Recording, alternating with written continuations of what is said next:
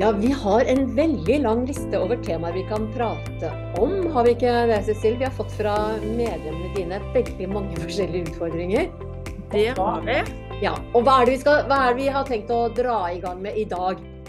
I dag så skal vi snakke om hvordan vi kan samarbeide og løse problemer sammen med ungene våre. Ja, For det er jo ikke noe selvfølge å få til det, da. Nei, det er det ikke. fordi at veldig ofte så tenker vi jo på det og, og, at når vi skal samarbeide med barna, så er jo ofte det at uh, vi ønsker å få dette barnet til å gjøre som jeg vil. Ja, og det pleier jo ikke å fungere så innmari Nei. bra. Ja. Og da har vi jo sånn at vi, vi har jo snakka om det før også, men at vi har disse tre grunnprinsippene egentlig som, som eller, ja, ja, som mennesker er litt Ja, jeg tenkte på tre grunnprinsipper. Jeg har ja. tre grunnprinsipper som, som, eh, vi kjører på som eh, er eh, Vi har forskjellige, altså. Så det finnes mange grunnprinsipper her i verden. Men de tre som vi snakker om og som vi bruker en del, er dette med sett, mhm. bekrefta, involvert. Ja. Som jo er en viktig del av å være menneske å trives som menneske og henter fram det beste i andre mennesker, så er det viktig at vi ser, bekrefter, involverer. Ja. Og da blir det jo krevende å gjøre det hvis jeg skal ha inn min vilje i samarbeidsprosjekter.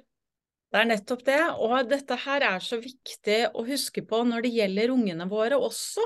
At dette her, det gjelder også i forhold eh, eh, med barna. For dette, da tar, hvis vi ser dem og bekrefter dem og involverer dem, så tar vi ungene på alvor. Og det gjør at barna faktisk ønsker å samarbeide med oss. De ønsker å finne løsninger. Og det er et veldig godt utgangspunkt, da, tenker jeg. Men yes det kommer jo heller ikke helt av seg sjøl da. Det gjør ikke det. Vi er nødt til å begynne med denne grunnmuren som vi eh, sier så mange ganger. Det også, vi må ha en relasjon i bånd. En relasjon som gir tillit og trygghet og tilhørighet. For hvis vi ikke har det, da ønsker jo ikke barna å samarbeide med oss. Og jeg tror heller ikke at vi vil, vi vil ikke klare det selv. Nei, du sier noe der. Og så er det noe med å bygge den der uh, tilliten og tryggheten og tilhørigheten uh, som fundamentet i relasjonen. Og da er det jo også et annet fundament som jeg er veldig opptatt av. Det er dette med likeverdighet. Altså at vi er likeverdige. Og det betyr jo ikke, for det kan jo høres ut som om uh, vi skal være like kule begge to. eller alle tre, eller begge tre, som vi hadde en venninne som sa i, i, i yngre år. men det handler om at det er en som er leder uansett. Altså, det er jo vi som voksne som er ledere. Og vi kan jo ha likeverdige forhold selv om en er leder. Mm -hmm. For den er jo viktig, tenker jeg. At, at eh, ja, at du får til den balansen, da. Ja, for veldig ofte så tenker vi jo på, når vi hører det, så tenker vi jo på likevel at, eh, at det ikke er noe leder. ikke sant? Mens det er Vi snakker jo absolutt ikke om at ungene skal få det som de vil. Det er jo ikke det vi er ute etter her. Nei, faktisk ikke. Finne, den, eh, finne den balansen. Ja, altså, ja, et eller annet med som du sier, samarbeidet med å Altså, Grensene er, vet jo vi, vi voksne skal jo oppdra barna våre, men det er jo da hvordan vi gjør det som er utgangspunktet. da. Og at vi ønsker å gjøre det med samarbeid, så at vi ikke blir autoritære og, og, og med masse disiplin og sånn, som veldig få unger egentlig trives veldig godt med. Og som fungerer veldig dårlig på disse nevrodiverse barna. Altså, det er vel ikke disiplin som altså, Det trygger jo på ikke spesielt god måte, kanskje. Det, er, det blir gjerne mye bråk eh, ut ut, ut av det, altså. Ja. Men vi skal jo snakke om dette her, eh, Tone, i forhold til eh, oss selv. I forhold til relasjonen, i forhold til det å forstå både oss selv og den andre. Og i forhold til hvordan vi kan tilrettelegge på en god måte. Ja. Og for å ta det første først, da. Ja, det, med, viktigste først. Det med du, det med oss selv. Og da er jo det at vi er nødt til å ha et overskudd. Ja, det er lett å ha. ja. Unnskyld, jeg ler litt. Ja. Men altså, jeg, jeg bare unnskyld. Det er ikke for å være ekkel jeg ler. Det er bare er min måte å være på. Jeg må si det innimellom. fordi når vi kommer inn på litt sånn krevende områder, så pleier jeg å le litt. Kanskje forsvarsmekanisme, ikke veit jeg. Ja. Men uh, det er med respekt. Ja. Og det er jo veldig mange eh, foreldre som jeg møter, som er så Når de kommer, så er de, de er helt De er så utslitte. Så de har ikke de har ikke noe overskudd i det hele tatt. Det er rett og slett bare kaos. Og utfordringen da er at da klarer du ikke å begynne med dette, for du har ikke den roen og tålmodigheten til å kunne klare det. Så da er det så viktig å først jobbe deg og så først få mer overskudd. Og da har vi jo episode seks i eh, Fornuft og følelser, som er eh, veldig viktig her. Ta vare på deg sjøl, som det går på. Og det ja. er litt, jeg har jeg bare lyst til å si, fordi at når vi ser hvor mange som har sett episodene, så er det den episoden som jeg har sett færrest ganger. Og det er litt dumt, i og med at det faktisk er fundamentet som vi bygger på. Og uten å klare å ta vare på deg sjøl, så er det jo heller ikke mulig å ta vare på ungene. Altså på en, altså, du, du får ikke til å bygge den gode relasjonen med ungene hvis ikke du har et snev av overskudd. Jeg sier et snev, for det er kanskje det beste vi kan håpe på. Ja. ja. Og jeg ser det også nå veldig tydelig, for dette i medlemsportalen min, OTM-fellesskapet, så begynner vi jo med nettopp det her. Og det som er så morsomt nå, det er jo nå har jeg jo fulgt noen eh, foreldre, eh, og det jeg ser nå veldig tydelig, det er at når de begynner med det, og de har jobba med det bare et par uker, så sier de at det, mindre, at det har blitt mindre konflikter bare ved det at de har fokusert på seg sjøl. Ja. ja. og for oss som coacher og holder på med det vi holder på med, vi er jo ikke noe overraska, men de fleste foreldre vil jeg regne med er litt overraska. Så det er, eh, det er, rett og slett uh, viktig å, å, gjøre det. Men det som er da, så for det første så må du da være rolig. Og det andre, det er jo rett og slett et tanke, tankeskifte. Mentalitetsskift, holdningsskift, tankeskift. Ja. Kjært barn har mange navn. og det er jo det er jo en forutsetning, for det er jo altså Dersom vi Det vi tenker, det siver ut i, i, kommunikasjonen vår gjennom kroppsspråk, gjennom stemmebruk, altså det ordløse kommunikasjonen, så vil det vi tenker likevel sive ut. Og da er det jo veldig fint å tenke de smarte tankene. Da, hva er de smarte tankene, Cecilie? De smarte tankene, ja. For ja. det første, si hva som ikke er en smart tanke, da, for å ta det først. Det er jo hvis du tenker sånn som vi veldig ofte gjør, at barnet skal gjøre som jeg vil. Og jeg har en god løsning, ikke sant. Jeg vet jo hva som er viktig å gjøre her. Mm. Det som er utfordringen da, det er at veldig ofte så får du en sånn følelse av at oh, nå blir jeg litt stressa, jeg blir litt sånn oppgitt over at denne ungen ikke ser denne geniale løsningen som jeg har. For jeg har jo ikke kontroll, ikke sant. Uansett hva jeg gjør, så kan jeg ikke tvinge dette barnet til å gjøre som jeg vil. Og det fører til at jeg gjerne går i forsvar, og jeg vil gjerne kontrollere dette barnet. Mm. Da kan jeg gjerne begynne å mase og kjefte. Resultatet av det blir jo konflikt. Ja. Den ungen gjør opprør. Ja. Og så til dette her, for å snu ned litt rundt, da. Hvis vi istedenfor har en tanke om at uh, barnet mitt ønsker å bidra til gode løsninger. Hvis jeg tror det, så... Og det gjelder jo begge altså, nei, ja, nei, nei, unnskyld men nå begynner jeg å, å, å rote litt. Men altså, på en måte, det gjelder jo alle barn, ikke bare nevrodiverset. Det gjelder jo egentlig nei, ja, selvfølgelig. alle barn. Mm. Og voksne. Andre voksne. Og voksne. Absolutt. Ja. Så la oss da ta utgangspunkt i at det jeg tenker istedenfor, jeg velger å tenke nå at Og derfor så er det så viktig å være rolig, ikke sant, og klare å tenke noen eh, klare eh, tanker. Men okay. der har du et lite der har jo du et lite triks, som du sier, at eh, når det er dette her, så skal du stoppe opp. Og puste? Stoppe opp og puste. Jeg går gjerne også ut av rommet, i hvert fall sånn i starten, når jeg øvde meg på å få det til. Når jeg kjente at jeg ble eh, stressa, eller det gjør jeg jo nå når jeg kjenner at jeg blir trigga, så gikk jeg gjerne, gjerne ut av rommet, sa ifra til ungene vet du hva, nå kjenner jeg at jeg blir irritert. Nå går jeg ut, puster litt, roer meg ned, så kommer jeg tilbake igjen når jeg er rolig. Men du, bare for et lite spørsmål. Hvordan reagerte ungene dine da du, altså, altså, da du gjorde det første gang, kanskje ikke første gang, men sånn etter hvert, når du har gjort det, hvordan reagerer ungene dine når du da bare Nei, nå er jeg irritert og frustrert, nå går jeg ut.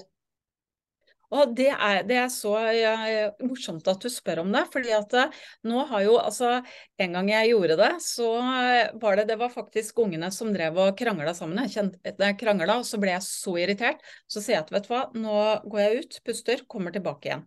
Så går jeg ut, og så hører jeg dem der inne, og så fortsetter å krangle. Og så hører jeg den ene sier Mamma! Nå blir jeg så irritert, så jeg tror at jeg må gå ut og puste sammen med deg! Og så har de også eh, tatt meg i det. Når jeg blir irritert nå, så får jeg høre det at du mamma, kanskje du skal gå og puste litt. Og så, og ikke minst, det det også har gjort, det er at de nå, for nå har jeg gjort det så mange ganger, så, så det, det, er et verktøy jeg bruker, så nå kan også jeg se det særlig på hun yngste, hun klarer nå å bruke det selv, nå kan jeg bare minne på det, at å, du, nå er du eh, Nå må vi bare sånn, nå stopper vi, og så puster vi, tar vi noen dype pust her først. Og da er hun med meg på det. Ja, og det, det, jeg tenker det som er så genialt, det jeg hører her, det er at du går som en rollemodell for ungene dine. Og så lærer du dem verktøyene dine som de integrerer sjøl, da. Ja. Eh, så, så, det er jo noe med det du sier at når du tar vare på deg sjøl, så viser du ungene dine også hvordan de kan ta vare på seg sjøl. Mm -hmm. Og finnes det noe bedre rollemodell enn det, tenker jeg. Og det er jo dette her, ikke sant. Det er jo, dette, det er jo sånn barna lærer. Og nå så kan jeg på en måte også, det som er så fint nå, nå kan jeg også gjøre det sånn hvis en ringer til meg på telefon, da. Og, for det er jo sikkert mange som kjenner seg igjen, at de kan få telefoner med, fra en unge som er helt oppi der, ikke sant. Og nå så kan jeg gjøre bare sånn, du, nå, første vi gjør nå, stopp opp nå. Så tar vi noen dype pust.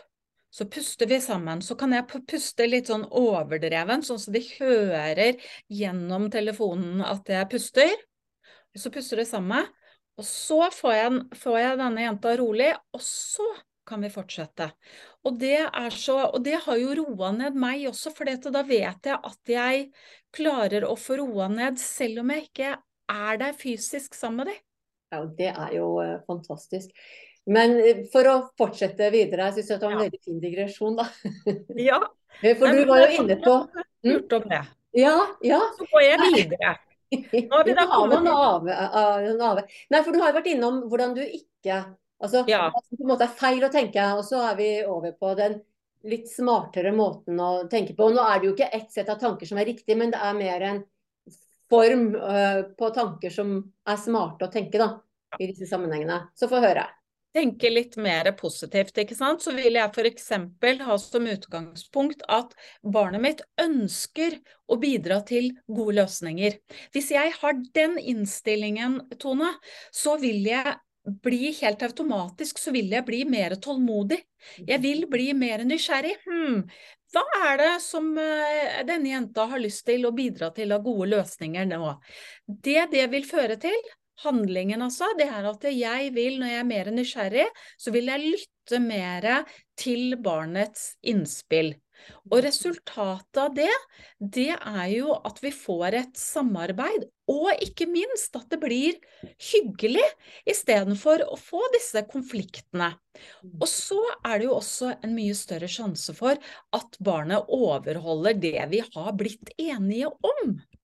Ja, ja, og den er jo ikke minst viktig. Og, og så er det jo mye lettere altså En ting er å overholde, men da når det ut for det vil sannsynlig gjøre, så er det mye lettere å få det inn på en rett der. Vi kommer tilbake til det, da. Men jeg har lyst til å oppsummere, for det, det, det vi, dette her har vi jo snakka om før også. At det begynner med en tanke mm -hmm. som gir en følelse. som resulterer i en handling Mm. som gir et resultat. Og det er jo de fire vi må ha den tanken som skal være smart, at ja, barnet mitt er, ønsker en løsning som gir en følelse av nysgjerrighet og, og ønske om, å, om, et samarbeid fra begge sider, egentlig. Som da gir en, en, handling, gjør at begge to er med og finner en løsning som gir resultatet at her er det en løsning som begge med stor sannsynlighet vil klare å overholde. Og så har jeg et tips her, for jeg vet at mange syns at det er vanskelig å tenke hva skal jeg tenke istedenfor. Hvilke positive tanker skal jeg tenke? Ja. Og da liker jeg å begynne med resultatet. Hva er det du ønsker? Jo, sier foreldrene, jeg ønsker jo at barnet at vi skal få til et samarbeid. Jeg ønsker at vi skal ha det hyggelig sammen. Ok, ikke sant? Hva må du gjøre da for at dere skal ha det uh, For at, uh, skal, at, dere skal samarbeide. Ja, Begynne med det som vi som korset kaller målet, rett og slett. Altså hva er det du ønsker å oppnå? Hva vil du ha? Ja. Hva må du føle da? Ok, når du føler det, hva tenker du da for å ha den følelsen? ikke sant? Så, så du jobber, uh, jobber, fra slutten og forover. Mm -hmm. Mm -hmm. Så det, kan, det er ofte en enklere måte å gjøre det på. Ja. Ja. Og det neste, det er jo relasjonen. Er grunnmuren, fundamentet, det vi bygger alt på. Og det er jo det du starter med i medlemsportalen din også. Nei, det er det ikke. Du starter med deg, du. Jeg starter med meg. Ja, Det har vi vært innom nå. Rolig. Mm. Pust. Vær rolig.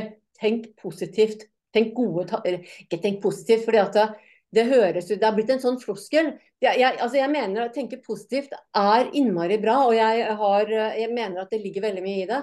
Men det er ikke bare bare å tenke positivt. Det er så mye. Det inneholder så mye. Men hvis vi kan si tenk smart, da. Mm. Kan det være en sånn måte å unngå dette tenk positivt? For det er ikke bare, det er ikke bare å tenke positivt. Nei, nei. Det. Så men uansett så tenker jeg her i forhold til, til relasjon, da, så tenker jeg at uh, altså, ikke sant, vi skal ha bygge på den grunnmuren, sånn at vi har den gode relasjonen i bånn. Og så er det i denne situasjonen her, når du nå skal ha forhandle med, med dette barnet ditt, da, så er det viktig å velge tid og sted med omhu, rett og slett. Altså, for det første må jo da begge være rolige, og så er det velg et hyggelig sted, da. F.eks. at dere går på kafé, eller at dere gjør noe hyggelig sammen. Lager en kopp kakao hjemme, eller uh, hva vet jeg. Men tenker, sånn, det som er smart med kafé, da, tenker jeg. Det er ikke så lett, da. selvfølgelig nå kan man jo lage scener overalt, det er ikke det. Men, men det er kanskje lettere å, å mm. det, er, det, er, mye vanskeligere å løpe på rommet og bli irritert. Uh, ja. På både eh, foreldre og barn. Så på en kafé så er det mye lettere å være løsningsorientert, tenker jeg da. Det kan være, behøver ikke, men, men det bare slo meg. Mm. Og så tenker jeg at hvis det går så langt, så er det også noe at eh, vi voksne at vi da klarer å stoppe hvis vi ser at ok, her, det prøver jeg å være bevisst på når jeg gjør dette her hjemme. Hvis jeg ser at eh, oi sann, her har jeg kanskje bomma lite grann, kanskje ikke eh, dattera mi var så rolig som det jeg trodde, eller at jeg sa noe som var dumt, så ser jeg pirke borti et eller annet som hun ble irritert på, da er det noe med å avslutte. Og ja. så kan vi heller ta det opp igjen, for da får vi ikke da får vi ikke den åpne forhandlingen som det vi er ute etter. Men nytter det da, altså jeg bare spør jeg min uh, naivitet her. Uh, hvis det har begynt å bygge seg opp, er det en mulighet til å gå ut og puste litt hver for seg, eller er på, for så vidt løpet kjørt da, sånn at du må vente time eller to eller en dag eller to eller noe sånt nå? Hva tenker du? Tenker jeg veldig forskjell fra uh, barn til barn. Først, jeg tenkte at du skulle ha en sånn skritt for skritt-oppskrift. Ja. Sånn funker for alle. Åh, så kjedelig at jeg ikke har det. Ja. Og så er det jo også selvfølgelig litt om ikke sant, eh, hvor tidlig du klarer å ta det. Ja. Og eh, hva det er for noe, ikke sant. Det viktigste er jo at du ser at her er barnet i balanse. Det er rolig, ikke sant. Du har den derre gode eh, dere har den gode relasjonen, du klarer å snakke og tulle og tøyse. Mm. Ja. Det er, er, viktig. Og så likte jeg det, du brukte et ord som jeg liker godt, da. det er et veldig voksent ord, forhandling. Um, for jeg tenker på forhandling, det er at eh, når to eller flere mennesker skal bli enige om et eller annet, så er det mm. forhandling. Ja. Og det driver vi jo med hele tida. Og når det gjelder forhandling, så finnes det utrolig mange metoder og strukturer og modeller og ene med det andre. Men, men det, er, det, er, en struktur som, som er altså, som uh, vil borge for, for uh, gode resultater. Da, og det er jo litt den vi er inne på nå. Som hva, er det, hva er det vi må gjøre? Dette med å være rolig, dette med å skulle lytte til hverandre, gi og få. Um, i, i, denne relasjonen et samarbeid om, om å være ordentlig enige om, om, løsningene. Men det er mer også som vi er uh, inne på. Så er det jo det neste, det er jo å forstå. Det er jo den tredje. Ja. Og da tenker jeg at det er viktig det å huske på at særlig for nevrodiverse barn, så er det å forhandle, det er innmari krevende. For det, det som ligger på en måte litt sånn typisk gjerne liksom for disse ungene her, det er at de ser på en måte de ser sitt eget perspektiv, og det kan være veldig utfordrende for dem å se den andre, rett og slett. Og det er ikke, det er ikke noe vond vilje eller noe som helst, men det er bare sånn det er for dem. Så dette her tenker jeg er det å jobbe med sånne forhandlinger eller problemløsninger, det er en verdifull læring på mange forskjellige nivåer, altså. Ja, og så tenker jeg jo, Du sier at disse barna har utfordringer eller problemer med å se andre enn sin egen vinkling. Men det mhm. gjelder jo faktisk de fleste av oss mennesker også. De fleste av oss har jo altså, Vi har jo uttrykket som det er mye lettere å oppdage flisa i den andres øyne enn bjelken i vårt eget. Og yes. det handler jo noe om at det er mye lettere å se hva den andre gjør feil, istedenfor å se hvor vi står fast. Og jeg har ennå ikke møtt noen som ikke står fast på en eller annen måte. Og, og ja. Så én ting er at disse nevrodiverse barna har nok noe større utfordringer med det, men er viktig å huske at det gjelder alle, og det gjelder ikke minst oss sjøl. Altså, ta dette blikket innover og, og, sjekke etter hvor er det vi står fast sjøl. Når er det vi ikke ønsker å endre perspektiv eller se denne saken fra forskjellige vinklinger. da. Ja, og det er fint at du sier, fordi at når vi går inn på selve problemløsningsmodellen, da, som vi skal gjøre nå, som jeg syns er, er veldig, veldig kul, da, så er det jo For å få dette til å fungere, så må vi voksne klare å ikke bare se, men vi må også anerkjenne barnets behov. Bekrefte. Sett, yes. bekrefta, involvert. ikke sant? Så det er anerkjenne, bekrefta. Det, det, blir jo på den, ja. Behov er også et veldig sånn fint ord å ta med inn i sammenhengen her, da, syns jeg. Ja, så det er det aller første eh, vi gjør. Det er eh, også, så, også, sånn uansett utfordring. Altså la oss si, da, skal vi se Mobilbruk i, i senga, da. Det er sikkert mange, mange flere enn meg som eh, har litt utfordringer med det. For det første så vil jeg jo da finne ut hva er det som er barnets behov. Og da er det ikke jeg som forelder som sitter på den uh, løsningen her, det er det barnet som vet, ikke sant. Så her er jeg opptatt uh, av å få med barnets stemme. Hvorfor er dette viktig for deg? Hva blir nysgjerrigheten som du gjerne snakker om? Ja, og det kan jo være å se ferdig noe på YouTube, eller det kan være at eh, Men du vet hva, nå er vennene mine aktive på Snapchat, og jeg må, vi er midt i et eller annet, må bare snakke ferdig hva det nå enn er, ikke sant? Mm. Og så, når barna har fått satt ord på hvorfor dette her er viktig for meg, så kommer du og sier hvorfor det er viktig for meg. Og det som kanskje er for deg, det er at du er veldig opptatt av at uh, dette barnet skal få nok søvn. Ja, søvn er viktig. Ja. Og, men det å på en måte sånn før vi gjør noe annet, så er det kjempeviktig å ha fått fram og eh, anerkjent begges behov. Og så kommer vi på det tredje. Og det er å ha en idémyldring på løsninger som tilfredsstiller begges behov. Mm. Og det som er viktig her, kan det eh, være lurt å ha penn og papir. For å gjøre det konkret, bare skrive ned, ta med absolutt alt av eh, ting som du kommer med, og som ungen kommer med. Og her skal du se at eh, disse barna de, gjerne, de, er gjerne veldig kreative, så de kan ha mange løsninger. Her er det Kanskje ikke alle er like gode? Det er det som er veldig viktig her nå. For jeg har, når jeg har holdt på med sånne ting, så har jeg fått uh, løsninger av typen at han læreren er så teit, så jeg skal gå og slå han. Og når det kommer, så kan ikke jeg begynne bare sånn Da skriver vi ned 'slå læreren'. Og det skriver jeg ned på arket. Jeg tenker liksom, jeg blir nesten sånn der, men det skal jeg skjønne at man ikke skal gjøre. Men jeg ser for meg litt forskjellige farger på Post-It-lappene, jeg med. Så slå læreren må kanskje bli en sånn ildrød lapp, da. Sånn stopp! Ja, det kommer etterpå, for å si det sånn. Ja, det gjør jo det. Nå skal vi ikke dømme forslaga. Og så, deretter, når vi ikke har noen flere forslag, da skal vi vurdere det. Da skal vi vurdere det sånn så vi passer på at begges behov blir møtt. Ja. Ja.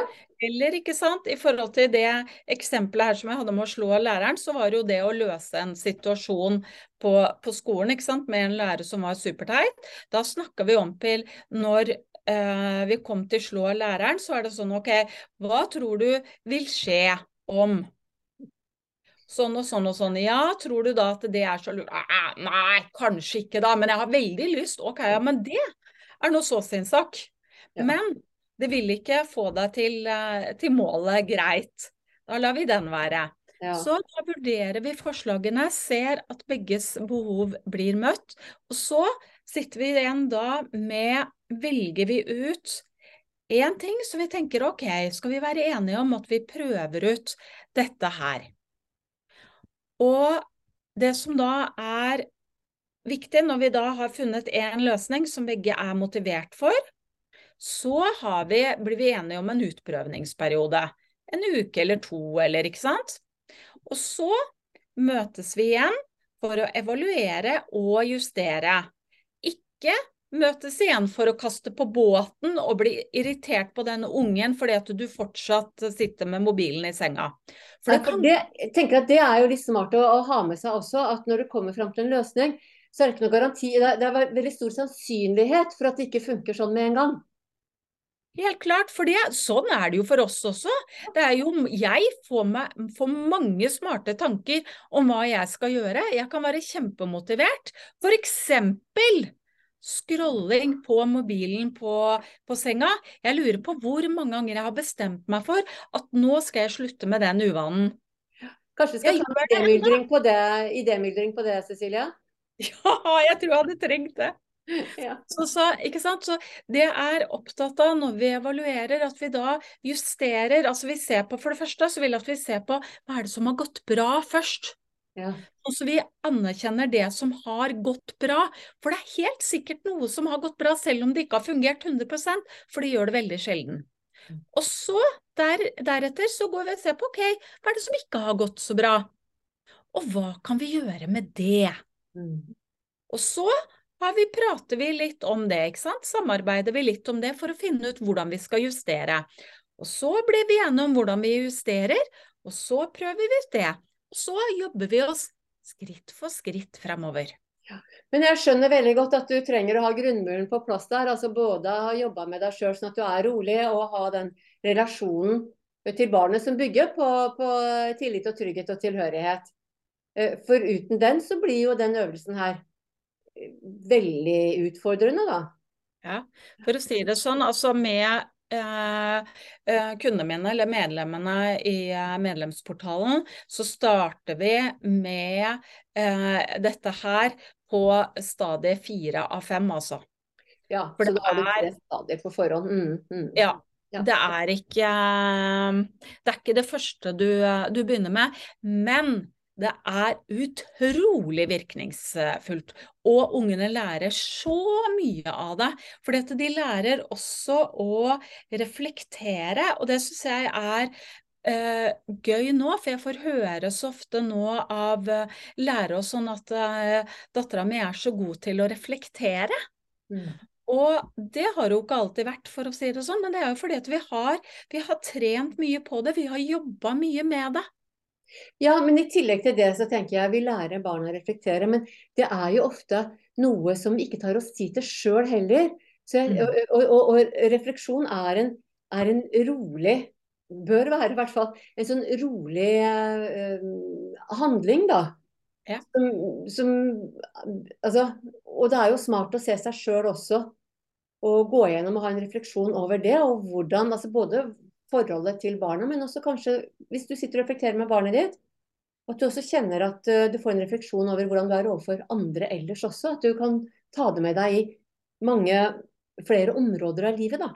For det er jo jeg som sier det er forhandling, så dette her er jo et system som jeg kjenner godt igjen fra, fra ikke-voldelig kommunikasjon, eller sjiraffspråket, som vi også kan kalle det.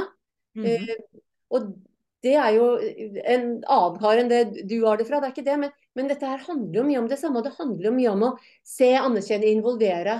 Det å se behovene, møte behovene.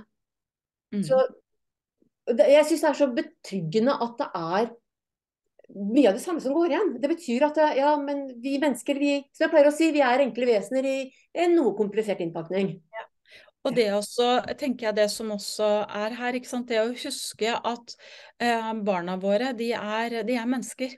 Ja. De, har, de, har, de samme behovene som, som vi har. Ja. Eh, og for de som er eh, litt mer nysgjerrig på, på dette, så er jo eh, den på en måte gjennomgangen som jeg har tatt nå i forhold til den problemløsningsmodellen, det er jo eh, sterkt inspirert av Ross Green. Så for dere som er mer eh, vil gå, ta et bedre dypdykk i, i, det her, så anbefaler jeg å se litt mer. Han har jo også en bok som er oversatt på norsk, hvis du ikke har lest den. Det er så eksplosive barn. Så det Ross Green anbefales. Ja, men vi kan jo sette en sånn kan jo, Vi kan jo skrive i, i, i forklaringa her også, så de får tittelen sånn på, på, boka. Så den er lett ja. å finne igjen. Mm, det gjør vi. Supert. Men da tenker jeg at uh, vi uh, har det, det, vi har, holdt jeg på å si, for uh, foreldrene.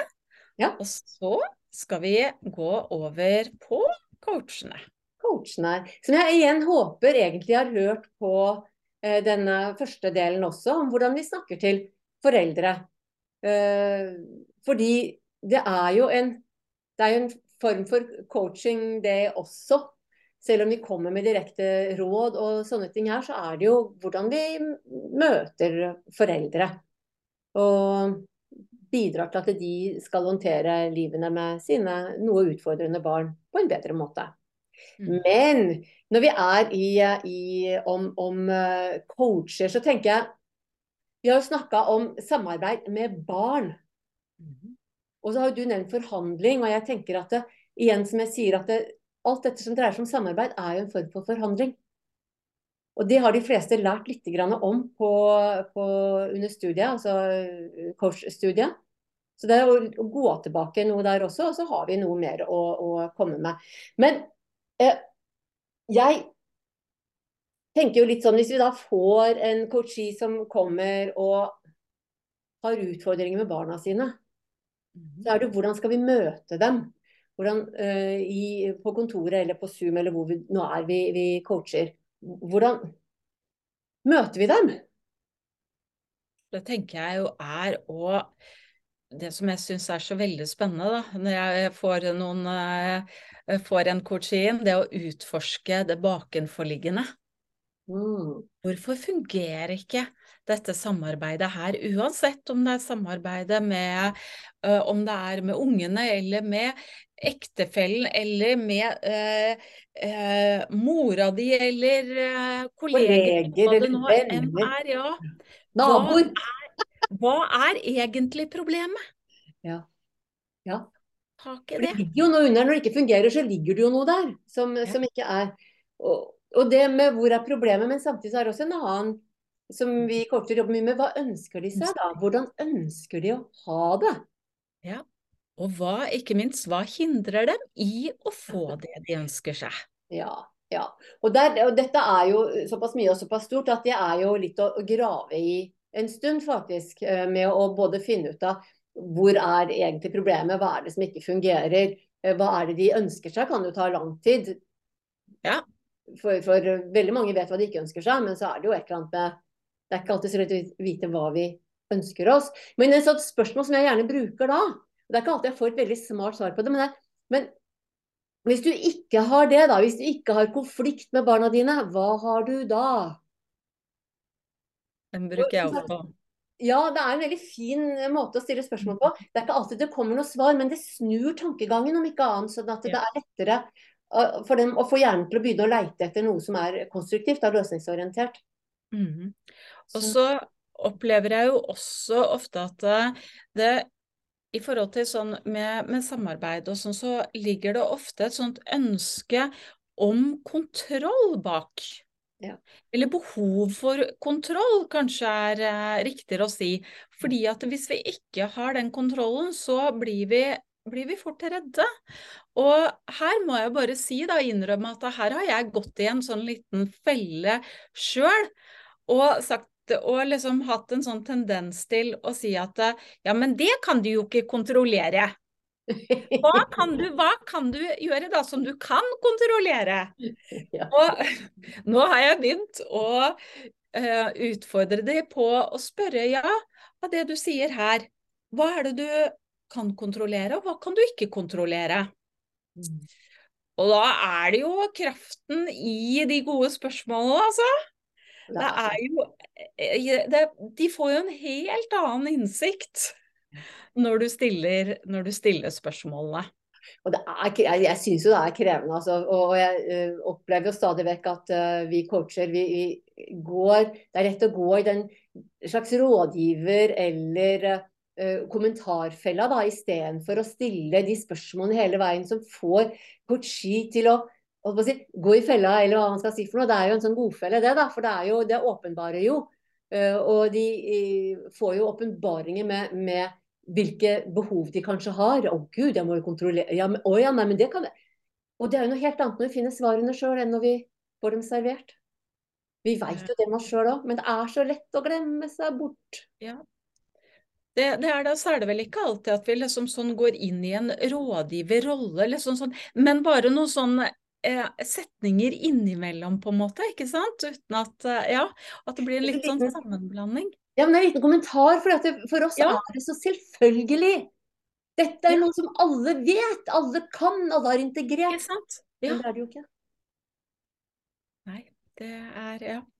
Alle skjønner jo at du ikke kan kontrollere andre, men, men det er noe helt annet å ha det langt i bakhuet til at det virkelig lander i kroppen. At du, og, og liksom det å skille mellom hva kan jeg og hva kan jeg ikke kontrollere, det er jo ja. en interessant øvelse. Ja, det er, og så er det også veldig morsomt, for jeg erfarer jo det ofte når jeg oppsummerer, ikke sant. Ja. Og sier litt sånn der hva, sånn, sånn og sånn og sånn, og så er det sånn kan du få litt sånn, og så sier jeg ja, jeg sier bare det du har sagt, det er du som har sagt dette her. Mm. Og det er liksom øh, ja, ja, det er jo sant, det. Ja. Så du, øh, det blir en Det blir mye nærmere deg enn mm. Mm. Ja. Eh, og så er det jo stilig, altså. Mm. Ja. Det vi snakka om det at samarbeid, at det eh, i all hovedsak det dreier seg jo om eh, forhandling. Og her har jeg lyst da bare til å eh, trekke fram en episode som du har i Kreti og Pleti, Tone. For du har ja. jo en episode der som går på, eh, på, forhandling. Jeg vet ikke hvilken episode det er, men eh, Episode 30. Ja som er, Men det står veldig tydelige forhandlinger eh, på den. og eh, Nå husker jeg ikke helt episoden her, men det er også en episode om sjiraffspråket, ikke voldelig kommunikasjon. Jeg tror det er episode 26, det er jeg ikke helt sikker på. Og den er også veldig fin, fordi eh, den ikke-voldelige kommunikasjon, sjiraffspråket, dreier seg jo om å, å, snakke med noen for å møte behovene, både behovene deres og ikke minst egne behov også. Og avdekke og gjenkjenne dem i, i samtaler. Så det er to eh, veldig fine tilleggsepisoder, vil jeg si, da. Jeg har ikke sett uh, den om sjiraffspråket, så den, eh, da vet jeg vet hva, jeg hva, jeg, skal høre på etterpå. Ja. ja. det er Marshall Rosenberg som har, eh, som har, den, da, hvor jeg har uh, eh, sjekka ut han lite grann. Han er fin, da. Det er veldig mye bra der. Ja. Det. Men det som vi har også sett på, at, og, og når jeg snakker om forhandlinger, så er det alltid i forarbeidet en teknikk som jeg alltid trekker fram, som jeg syns er helt fantastisk. For NRP-ere så vet dere det sier avbalansering av oppfattelsesposisjoner. Eller stoleleken, som jeg også gjerne har kalt den. Så veit dere hva det dreier seg om. og I episode 30 så går jeg veldig kjapt gjennom den også, da, men vi skal ta den veldig kjapt. Så er det rett og slett å se en sak Altså se både den andre og seg sjøl i forskjellige posisjoner. Altså se gjennom egne øyne se gjennom nøytrale øyne, og også kunne se gjennom den andres øyne. Og det, det, er så mye informasjon å hente. for når du ser, altså setter deg ned i en situasjon eller ser på et menneske i den sammenhengen, så vil du oppleve noe nytt. Du vil oppleve hvilke følelser har du overfor dette mennesket. Føler jeg meg overlegen? Føler jeg meg underlegen? Er vi likeverdige? Hva slags følelser er det som kommer og er, er inni her? Og når vi er på dasjon, så kan vi gå ut i den tredje posisjonen, da, den nøytrale posisjonen, og se det utenfra, så er det jammen meg mye å hente der også. Men det er veldig spennende. For ikke å snakke om det å gå i andre posisjon, se deg fra den andres øyne. Det er uh, modig, syns jeg. Eh, ja. Kan være ubehagelig. Og innmari interessant. Det er så mye informasjon. Og det er rart, for man skulle tro at det bare er Og det er, det er for så vidt dine egne tolkninger av den andres øyne. Det er ikke det, men, men de fleste blir jo litt satt ut fordi det er så mye informasjon. Og de ser noe som de, mange ser noe som de aldri hadde trodd at de skulle se. Det går opp noen lys skikkelig. Den er, eh, den er uh, morsom. Og utrolig kraftfull. Altså, jeg har brukt den mye. Jeg er veldig glad i, i den teknikken. Og jeg må si jeg har fått veldig mange eh, positive tilbakemeldinger når jeg har eh, gjort den ofte med eh, coachi før de skal inn i møter, f.eks. Og det er eh, Det har virkelig hjulpet dem eh, mye, altså. Så det er en veldig, veldig kraftfull, fin, fin teknikk. Ja, og så er det jo noe som du har sagt du ikke har tenkt på før, og det er kanskje, jeg vet ikke hvor, hvor viktig det er i denne sammenhengen her, men det går faktisk an å ta det, med, altså bruke det på barna sine også. altså Ikke konkret fysisk av barna sine rett overfor, men altså ta den teknikken eh, hvor du ser for deg barnet ditt. da. Det er også en uh, fin mulighet. Jeg har ikke testa ut det på meg sjøl, men jeg vil tro at du vil finne mye interessant der også. Jeg skal teste ut det, for å si det sånn. Ja. ja. ja mye, mye spennende. Så er det jo eh, noe med å avslutte. ikke sant? Da har vi vært gjennom en start. Liksom, hva ønsker de å, å avdekke problemer og hindringer og, og, og, og liksom finne ut av blokkeringer og hvorfor er de der de er. Og så har vi da en, en teknikk som heter avbalansering. Og du, kan godt grave, for det kan jo hende at det ligger noe dypt i en sjøl også som man har kommet fram til, og som man kan enten spare til seinere, eller så kan man ta det hvis det er at det er usikkerhet eller utrygghet som, som, ligger til bunn, så kan man jobbe med det. Men da vil det bli en annen time. Mm. Kan være like bra, kanskje bedre. Men nå har vi jobba med dette, rett og slett klare å få til samarbeidet på ikke overfladisk nivå, vil jeg si. Men uh, dette er en veldig fin måte å starte på. Få noen verktøy. Så går det an å jobbe enda mer med det underliggende i, i um, seinere møter og plukke opp det. Altså, all informasjon vi får, er det viktig å ta vare på. Huske på, mm. fordi til bruk, til uh, senere bruk. Ja. Og så er det jo avslutningen, da, som jo er, eh, tenker jeg, enkelt og greit. Bare utfordre Kochi på ja, hva tar du med deg, og hvordan skal du bruke dette i hverdagen din, eller hvordan skal du bruke dette framover? Og så tenker jeg så her også så ville jeg jo hørt litt sånn hva slags hindringer er det du kan møte når du tar det i bruk, og hva kan du gjøre for å når de hindringene dukker opp? Mm, mm. Hverdagen kommer? Hverdagen kommer, det er nettopp det. Er. Så da er det jo i hvert fall sånn har vi en tanke om at har vi blitt enige om at vi ville møte en coachee som kom med, med om det er en konflikt, eller om det er eh, litt, eh, at det rugger litt i samarbeidet, eller hva det skal være. Eh, ville ha jobba med det. Og, og med en kunde, da, med en coachee. Mm. Så da håper, håper jeg vi altså, det som er veldig smart, da, både når, hvis du bruker hele metodikken om forhandlinger og avbalansering, når du bruker det mye, så vil det bli automatisert, og det vil det også overfor kunden. Det kan godt være veldig smart å minne dem på det også, at de bør bruke det ofte. For å få det automatisert Det er en tenkemåte som ligger til grunn, et positivt menneskesyn. Og en tenkemåte uh, som ligger til grunn, som, som, som uh, kan være fin å få automatisert, egentlig. Mm. Det, ja, men da ja. Tusen takk for at uh, dere hørte på oss. Ja, og nå har vi litt prata fra oss for en liten stund. Da er det bare én ting å si. På gjensyn. Gjenhør. Gjenhør eller gjensyn? Ja. Det spørs. Ja.